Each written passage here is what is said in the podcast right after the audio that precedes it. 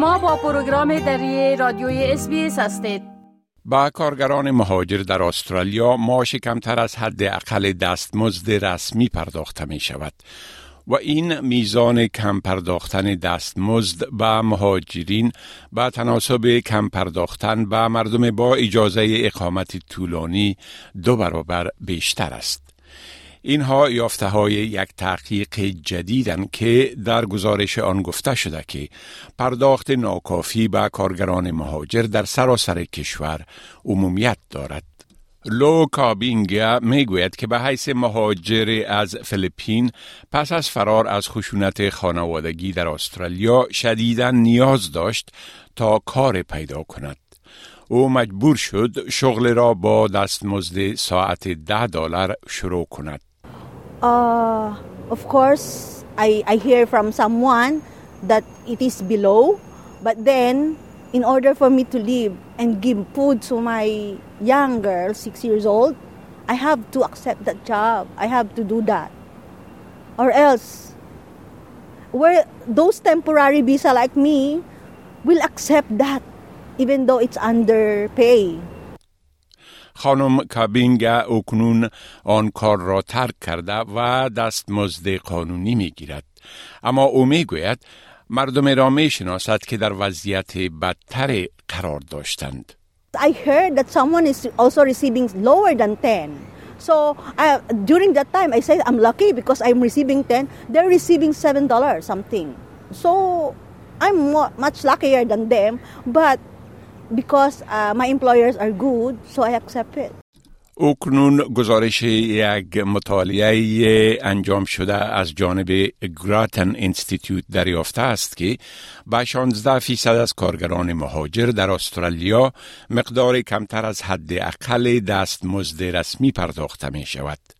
این گزارش می گوید که مهاجرین در مقایسه با ساکنین دراز مدت استرالیا دو چند در معرض استثمار شدن قرار دارند.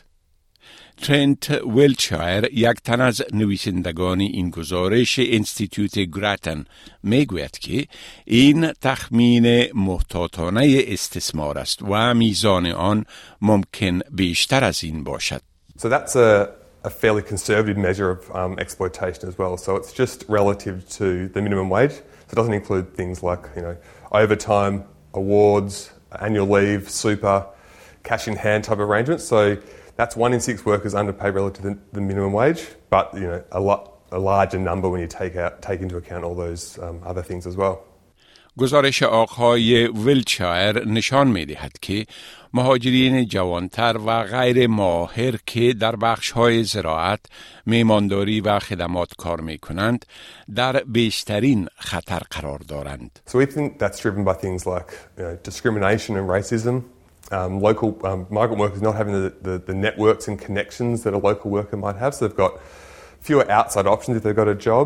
um. Um, fewer networks, their qualifications from back home might be recognised as well. So a whole range of things that contribute to these contribute to migrant workers being underpaid. از جمله توصیه های این گزارش تغییر دادن نام مفتش تضمین عدالت در ساحه کار به نام Fair Work Ombudsman به Workplace Rights Authority یا اداره حقوق محل کار است و باید به این اداره اختیارات بیشتر و همچنان بودجه بیشتر داده شود. این گزارش می گوید که اداره مفتش عدالت در کار در سال مالی گذشته کارفرمایان را 4 میلیون دلار جریمه کرد در مقابل اداره مالیات یا ایتیو مردم متخلف را جمعا به پرداخت 3 میلیارد جریمه و کمیسیون رقابت و مصرف کننده های استرالیا معروف به سی سازمان های تجارتی را به خاطر خلافورزی از قوانین و مقررات جمعا به پرداخت بیش از 230 میلیون دلار جریمه مجازات کردند. فیر ورک آمبودسمن می‌گوید که در حال بررسی گزارش این تحقیق است و توصیه ها را در نظر خواهد گرفت. این گزارش همچنان خواستار ایجاد یک ویزه جدید عدالت در محل کار است تا کارگران را قادر بسازد که در وقتی که از یک مورد استثمار اطلاع می دهند در استرالیا باقی مانده بتوانند. کلیر اونیل وزیر امور داخله استثمار کارگران را مخالف ارزش های استرالیا خوانده است. او می‌گوید که حکومت راه های اقامت دائمی را برای همه دارندگان ویزه موقت مهارت گسترش داده است. اگر شما یا کسی که می شناسید می خواهید درباره خشونت خانوادگی صحبت کنید با 1800 RESPECT با شماره 1800 737 732 زنگ بزنید. یا با Lifeline با شماره 13 11 14 تماس بگیرید. در مواقع اضطراری با سه صفر یعنی صفر صفر صفر تماس بگیرید. گزارش را که شنیدید با کمک تایز اوکیزی از SBS News تهیه شده بود.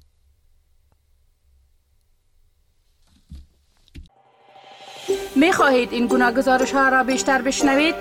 به این گزارشات از طریق Apple Podcast، Google Podcast، Spotify و یا هر جایی که پادکاستتان را می گیرید گوش دهید.